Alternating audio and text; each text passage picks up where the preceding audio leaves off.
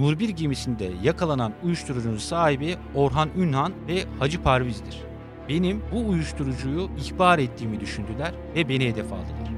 Kızını toprağa verdikten sonra gazetecilerin sorusu üzerine Zindaşti kameralar karşısında konuşuyordu.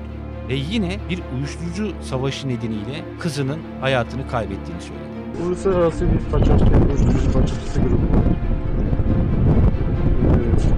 Bunlar dünyanın en koşturuyorlar. Türkiye pasaportları dahil her tür pasport kullanıyorlar. Haber podcastle buluştu. Kısa Dalga yayında. Bizi Kısa Dalga Net ve podcast platformlarından dinleyebilirsiniz. Kısa Dalgalan merhaba, ben Timur Soykan. Baronlar Savaşı'nın ikinci bölümüne baronların dev uyuşturucu sevkiyatı ile devam ediyoruz. Birinci bölümde anlattığım gibi İranlı baronlar Türkiye'de bir uyuşturucu ağı kurmuşlardı. Ve sorunsuz bir şekilde sevkiyatlarına, zehir ticaretine devam ediyorlardı. Ancak onlar için zorlu günler başlamak üzereydi. 20 Nisan 2014 günü Birleşik Arap Emirlikleri'nin Şarika kentindeki limanda Nur 1 isimli gemi demir alıyordu. 51 yaşında eski ve küçük bir tankerdi ve Yunan armatöre aitti. Akaryakıt yüklü tanker Basra körfezinden çıktığında karanlık çökmüştü. Pakistan'dan yola çıkan küçük tekneler onu bekliyordu. Hepsi Afganistan'da üretilmiş eroin çuvallarıyla doluydu. Nur 1'den sarkıtılan merdivenlerden 2.1 ton eroin yüklendi ve geminin gizli çelik bölmelerine konuldu. 10 kişilik Hintli personeli olan gemi Kızıldeniz'e doğru yola koyuldu. Amacı Süveyş kanalından Akdeniz'e çıkmak ve Yunanistan'a yani Avrupa'ya 250 milyon dolar değerindeki uyuşturucuyu ulaştırmaktı. Süveyş kanalını geçmeyi başardılar. Akdeniz'de günlerce sinyalini kapattı Nur 1 ve adeta hayalet bir gemi oldu. Daha sonra Ege Denizi'nde ortaya çıktı. 7 Haziran 2014'te 41 günlük yolculuğun sonunda Yunanistan'ın Pire kentindeki Elefsina limanına gelmişti. Bu aslında Afganistan'daki uyuşturucuyu Avrupa'ya götürmek için genelde kullanılan güzergahlardan farklı. Daha önce ilk bölümde belirttiğim gibi Afganistan, İran, Türkiye, Bulgaristan güzergahı ki bu karayolu çok daha sık kullanılan bir güzergah. Ve bunu resmi raporlardan da biliyoruz. Belki de uyuşturucu baronları yeni bir yol deniyordu Nur 1'le. Ve hiç şüphesiz büyük sevkiyatları Yunanistan'a ulaştığında rahat bir nefes aldılar. Gemiden indirilen eroin farklı araçlarla ki içlerinde çok lüks araçlar da vardı Atina yakınlarındaki depolara taşındı. Artık uyuşturucu baronları önemli bir aşamayı atlattıklarını zannediyorlardı. Ancak 2.1 ton uyuşturucu Yunanistan'a ulaştıktan 6 gün sonra 12 Haziran'ı 13 Haziran 2014'e bağlayan gece iki deponun etrafını Yunan polisleri sarmıştı. DEA ajanları onlara eşlik ediyordu. Bu depolardan biri Nur 1'in armatörüne aitti. Eş zamanlı baskınlarda pirinç, şeker çuvallarına yüklenmiş, bir kısmı paketlenmiş 1 ton 100 kilo eroin ele geçirildi. Bunların yanında 5 kilo da kokain vardı. Bu baskından 10 gün sonra 22 Haziran gecesi yine Atina yakınlarında bir depoya baskın yapıldı. Burada da 1 ton uyuşturucu ele geçirildi. Toplam ele geçirilen uyuşturucu 2.1 ton olmuştu. Ve bu Nur 1 operasyonunu Avrupa'daki en büyük uyuşturucu operasyonlarından biri haline getirmişti. Η ποσότητα ηρωίνης μεταφέρθηκε με το δεξαμενόπλιο Νουρουάν. Με ότι κατάφεραν να αναχαιτήσουν τη δράση ενός από τα μεγαλύτερα καρτέλ Operasyonlarda 10 Hintli gemi personeli, Yunan armatör ve onun bağlantılarının yanı sıra 6 Türk yakalanmıştı. Gözaltına alınan Türklerin 3'ü Belçika doğumluydu. Yunanistan'da operasyonla ilgili haberlerde 2.1 tonluk uyuşturucunun Türkiye'deki baronlara ait olduğu iddiaları yer alıyordu. Henüz kimse bilmese de Nur 1 olayının ilk cinayeti işlenmişti. Atina'daki ilk polis operasyonlarında çok önemli bir isim kaçmayı başarmıştı. Esfendiyar Gigi. Yani Zindaşti ve Hacı Parviz'in çocukluk arkadaşı olan, İran'da onlarla birlikte idamdan kaçarak kurtulan İranlı. Nur 1 sevkiyatını o organize etmişti. Baskınların yapıldığı gecenin sabahı 13 Haziran 2014'te uçakla Atina'dan İstanbul'a geldi. Havalimanı yakınlarındaki bir otele yerleşti. Bu oldukça lüks bir oteldi. Telefonla ulaştığı Zindaşti Van'daydı. Ertesi gün İstanbul'a döndüğünde buluştular.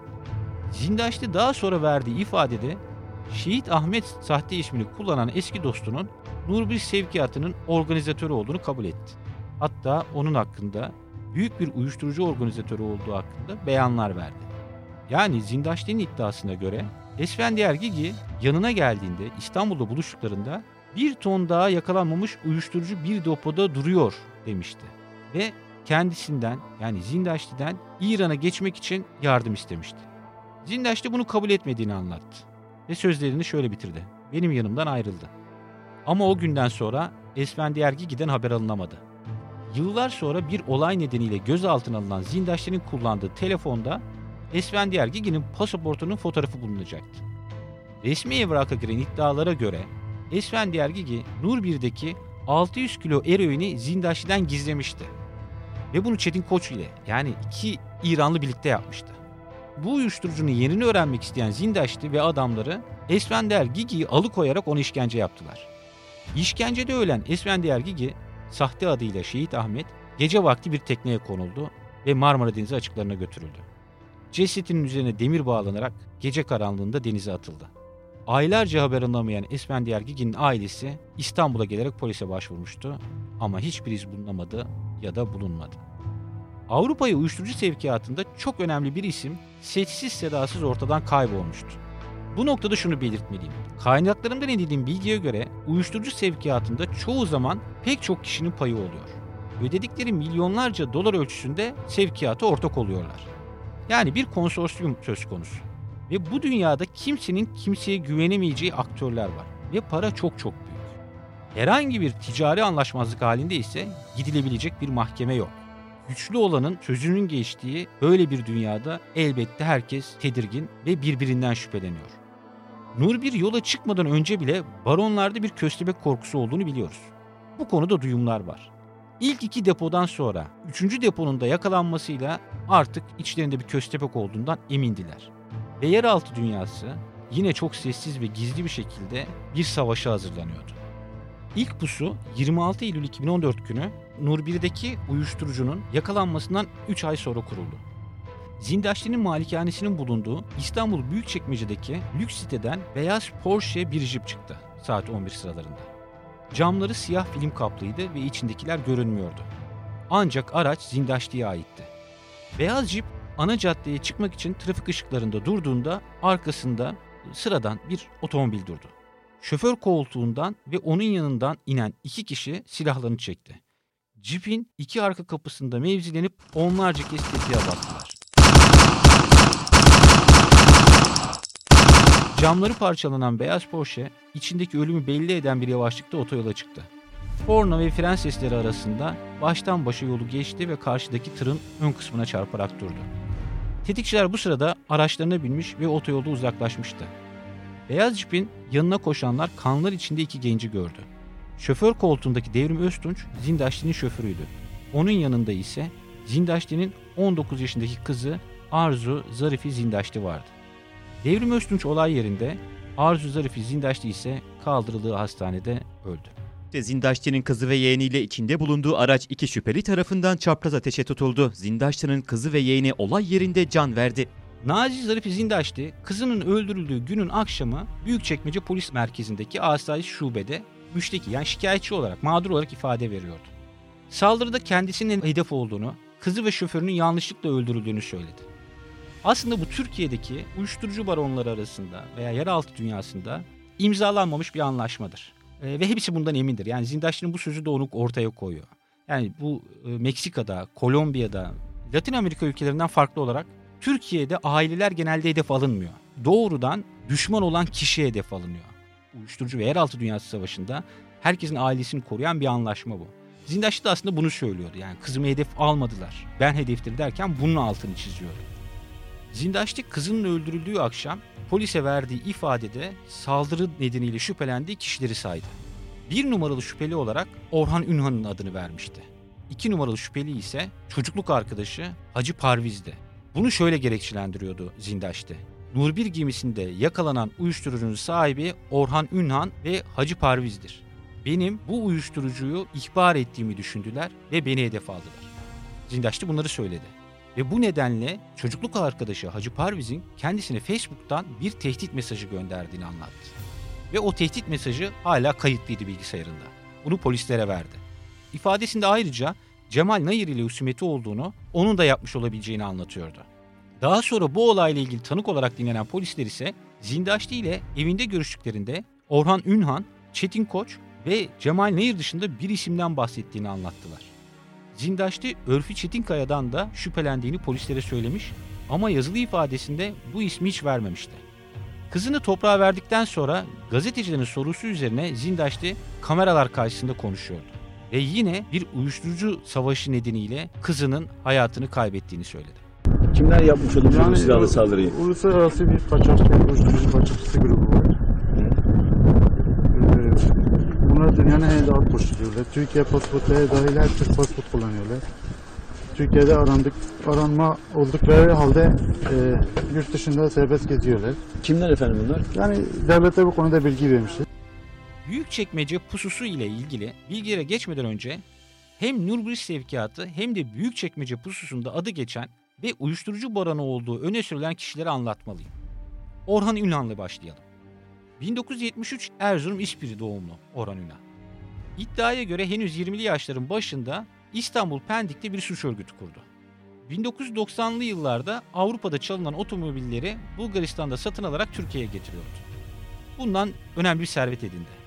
1998'de yakalandı ve kısa süre hapis yattıktan sonra tahliye oldu. Ama işlerini büyütmüştü. Özellikle İstanbul'un Anadolu yakasında çek senet tahsilatı yaptığı iddia ediliyordu.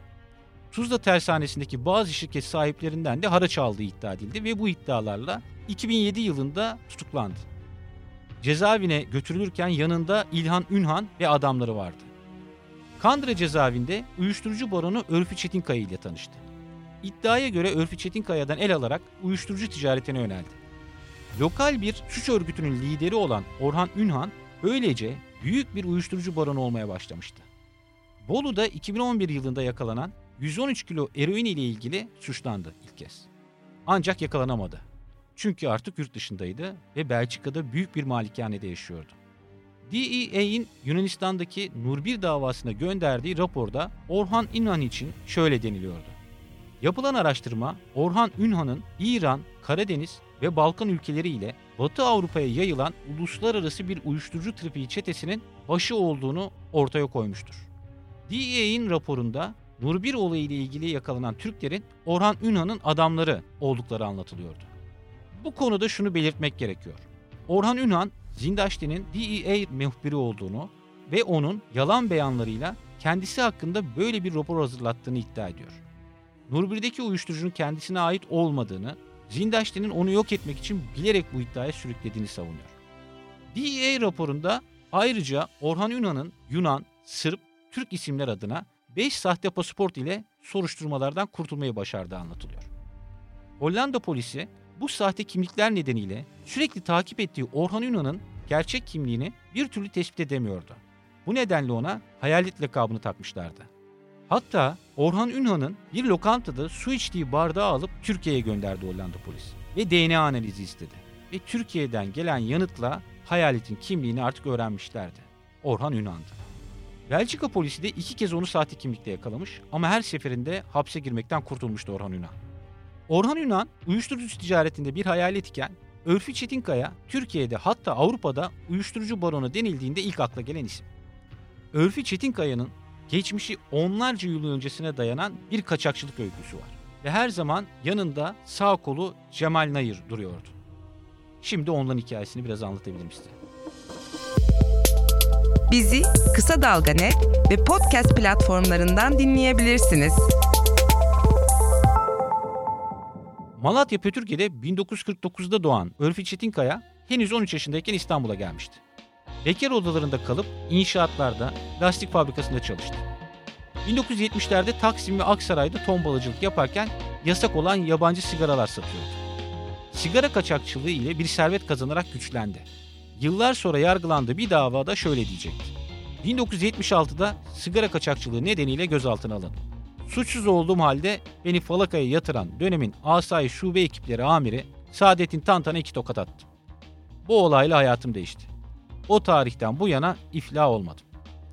Daha sonra İçişleri Bakanı da olan Saadettin Tantan bu iddiayı yalanladı. Bilmiyoruz. Belki doğru, belki yalan. İddiaya göre Örfi Çetinkaya sigara kaçakçılığından sonra silah ve uyuşturucu kaçakçılığına yöneldi ve büyük bir kaçakçılık trafiğini organize ediyordu. 1989 yılında Etiler'de dur ihtarına uymayan lüks otomobilinde polisin açtığı ateşle belinden vuruldu.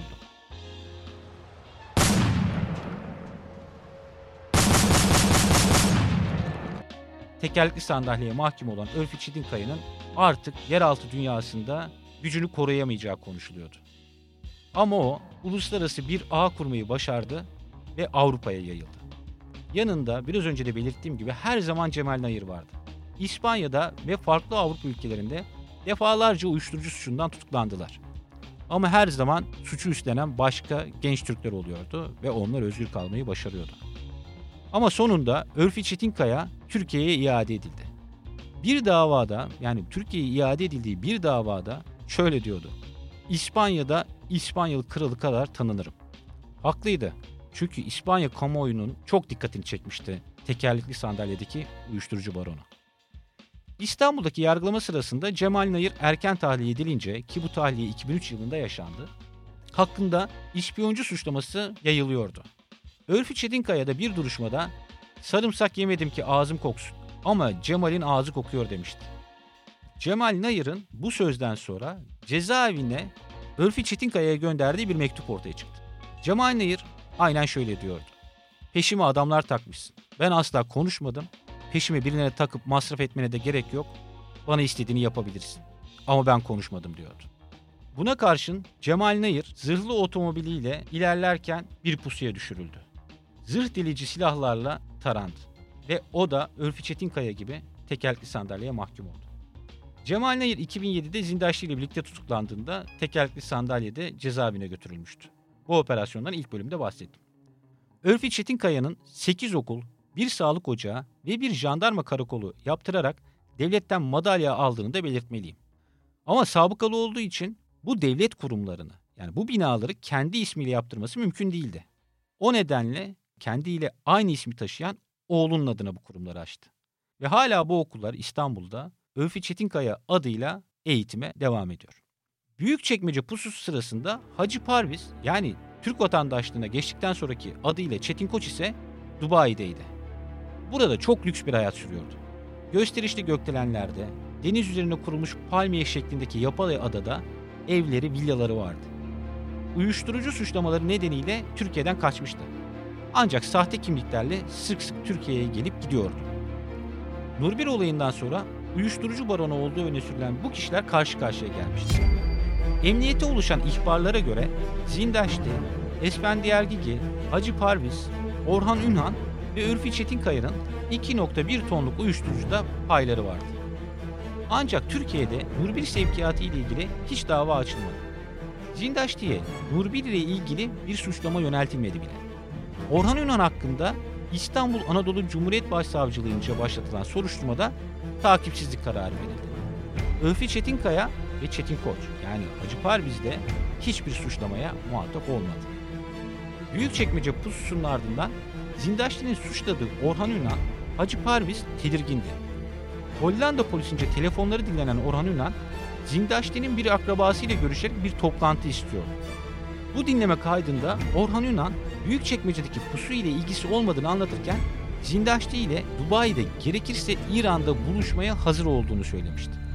Hatta daha sonra Orhan Ünal şunu anlatacaktı. 50 milyon euro teminat vererek Zindaşti ile görüşmek istedim diyordu. Bunun anlamı şu. Bir görüşmede yeraltı dünyasından iki taraf bir araya geldiğinde birbirlerine zarar vermeyeceklerinin garantisi bu para oluyor. Yani Orhan Yunan eğer Zindaşti'ye zarar verirse üçüncü kişide olan bu para yanıyor. Ve bu nedenle görüşme güven altına alınıyor. Orhan Yunan bunu anlatmıştı. Öte yandan Zindaşti'nin kızı ve şoförünün öldürülmesiyle ilgili soruşturmada hiçbir bilgiye ulaşılamamış ya da bilerek ulaşmamıştı polis. Cinayet anını uzaktaki bir kamera kaydetmişti ve tetikçilerin eşgali belli olmuyordu. Üstelik otoyolda kaçan katillerin başka kameralarca kaydedilmemesi dikkat çekiciydi. Her adımda kameranın olduğu bir kentten bahsediyoruz İstanbul ki 2014 yılında da öyleydi İstanbul. HTS ve baz sinyal kayıtlarında da şüpheli tespit edilemedi. Yani olay anında ve cinayet yerinde herhangi bir şüpheliye ait HTS, baz sinyal kaydı tespit edilememişti. Soruşturmada kayıt altına alınmamış iki şüpheli vardı. Orhan Ünhan'ın Türkiye'deki işlerini yaptığı öne sürülen Hacı Osman Sezen ve onun yanındaki Turgay Akar. Hacı Osman Sezen 2 Aralık 2014'te Büyükçekmece Polis Merkezi'ne sığınmış ve Ülfi Çetinkaya'nın adamlarının kendisini öldürmek için takip ettiğini söylemişti. Burada tarihe dikkat çekmek istiyorum. 2 Aralık 2014. Yani Büyükçekmece pususundan 2 ay sonra. Hacı Osman Sezen kendisinin öldürüleceğini söylüyor ama cinayet bürodan gelen polisler onu Orhan Ünhan'a ulaşmak için kullanmak istiyordu.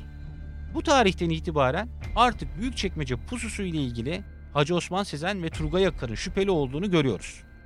Çünkü onlar Orhan Ünhan'ın Türkiye'deki işlerini yapan kişiler olarak biliniyorlar. Ve polis de bu istihbaratla hareket ediyor. Cinayet büro polisleri Hacı Osman Sezen'le karakolda temas kurduktan sonra sürekli görüşmeye başladı. Hacı Osman Sezen ve Turgay Ikar'la defalarca buluştular. Hatta onlar aracılığıyla Belçika'daki Orhan Ünhan ile defalarca telefon görüşmesi yaptılar. Hatta cinayet büro amiri ve yardımcısı İstanbul'da işlenen başka bir cinayetle ilgili olarak gittikleri Hollanda'da Orhan Ünal'la temas kurdu. Orhan Ünal onları otellerinden aldırarak Belçika'daki malikasine getirdi ve yüz yüze görüştüler. Yani burada çok ilginç bir durumla karşı karşıyayız. Polis Hacı Osman Sezen ve Turgay Akar'ı hiçbir şekilde şüpheli olarak kaydetmiyor. Orhan Ünal'ı da şüpheli olarak kaydetmiyor. Ama tutanak düzenlemeden ve hiçbir yazılı ifade almadan bu üç isimle çok sıkı bir şekilde görüşmeye devam ediyor. Büyükçekmece pususundan 3 ay sonra 22 Aralık 2014'te Hacı Osman Sezen ve Turgay Akar Küçükçekmece'deki bir balık lokantasında kafalarından vurularak öldürüldü.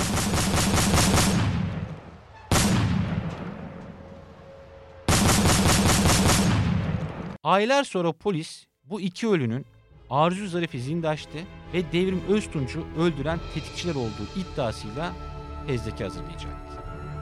Daha sonra iddianameye dönüşecek bu polis soruşturmasına göre Orhan Ünal ve kardeşi İlhan Ünal ile Hacı Parviz, Nur 1'deki uyuşturucuyu Zindaşti'nin ihbar ettiğini düşünüyordu.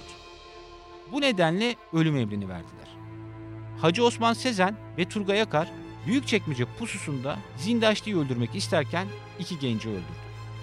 İddianamedeki temel dayanak iki gizli tanığın ifadeleriydi. Bu ifadelere göre çifte cinayetten sonra Orhan Ünal Hacı Osman Sezen'e bir işi beceremediniz diye mesaj atmıştı. Ayrıca Hacı Osman Sezen'in yanlış kişiyi öldürdük dediğini bir gizli tanık söylüyor. Hacı Osman Sezen'in Zindaşti'yi öldüreceğini söylediğini iddia eden tanık ve sanıklar da vardı. Orhan Yunan 5 Ekim 2015'te Belçika'da yakalanarak tutuklandı ve Europol tarafından 18 Mart 2016'da Türkiye'ye iade edildi. Toplam 11 sanıklı davada tek tutuklu sanıktı ve cinayete azmettirmekten iki kez ağırlaştırılmış müebbet hapsi isteniyordu. Aynı suçlama yöneltilen kardeşi İlhan Ünan ise yakalanmadı, yakalanamadı. 4 yıl süren yargılamada Baronlar Savaşı kanlı cinayetlerle devam etti. Hacı Parviz, Orhan Ünal'ın avukatı Kutbettin Kaya, İlhan Ünhan öldürüldü. Bu cinayetleri ilerleyen bölümlerde anlatacağım. Biz Büyükçekmece pususu davasıyla devam edelim. Orhan Ünal yargılama boyunca Zindaşti'nin gerçek katilleri bildiğini ancak kirli polisler ve yargı mensupları aracılığıyla kendisine kumpas kurduğunu savundu. Onun iddiasına göre Hacı Osman Sezen ve Turgay Akar'a öldürülmelerinden sonra bu suç yüklenmişti. Bazı tanık ve sanık ifadelerinde önemli çelişkiler vardı. Ayrıca Orhan Ünan, Hacı Osman Sezen'in kullandığı telefonun saldırı anında olay yerinden 70 kilometre uzaktaki Sultanbeyli'de sinyal verdiğini savundu. Ve bu konuda belgeleri mahkemeye sundu.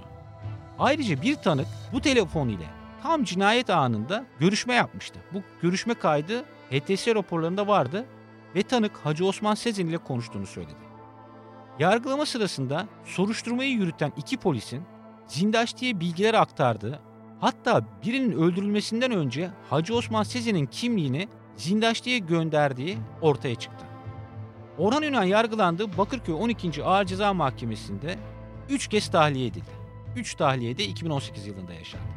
Savcının itirazı üzerine dosya önüne gelen Bakırköy 13. Ağır Ceza Mahkemesi 3 tahliye kararını da kaldırdı. Orhan Ünal duruşmalarda mahkemelere Zindaşti'den rüşvet alan yargı mensuplarının bir siyasinin müdahale ettiğini öne sürüyordu. Bu siyasinin eski AKP milletvekili ve Cumhurbaşkanlığı Hukuk Politikaları Danışma Kurulu üyesi Burhan Kuzu olduğunu söylemişti. Orhan Ünal kardeşi İlhan Ünal'ın 7 Nisan 2019 tarihinde öldürülmesinden sonra devlet içindeki bir çetenin kendisini hapsederek kardeşinin katledilmesine neden olduğunu savundu. Bu açıklamalarını ilerleyen bölümde inceleyeceğiz. Büyükçekmece pususu davası 21 Ekim 2019'da bitti. Orhan Ünal ve diğer sanıkların hepsi beraat etti. Böylece Arzu Zarifi Zindaşti ve Devrim Öztunç'un öldürülmesi olayı faili meçhul kaldı. Hacı Osman Sezen ve Turgay Akar'ın Küçükçekmece'de öldürülmesiyle ilgili soruşturma ise aradan geçen 6 yıla rağmen bitmedi ve dava açılmadı. Bu iki ismin Büyükçekmece pususunun tetikçileri olarak iddianamede yer alması düşünüldüğünde akla gelen ilk ihtimal onları Zindaşti'nin öldürttüğüydü. Ancak davadaki beraat kararıyla bu iki ölü de aklanmıştı. Öldükten sonra bu suç üstlerine atıldıysa akla çok farklı senaryolar geliyor. Şunu kesinlikle söyleyebilirim. Yeraltı dünyasının bu en karanlık noktasında çok fazla para, çok sayıda kötü adam var. Ve cinayete giden çok farklı olaylar aynı anda yaşanabiliyor. Bu dünyada hiçbir zaman tek ihtimal olmuyor. Baronlar Savaşı'ndaki diğer karanlık cinayetleri 3. bölümde anlatacağım. Görüşmek üzere. Haber podcastle buluştu. Kısa Dalga yayında. Bizi Kısa Dalga Net ve podcast platformlarından dinleyebilirsiniz.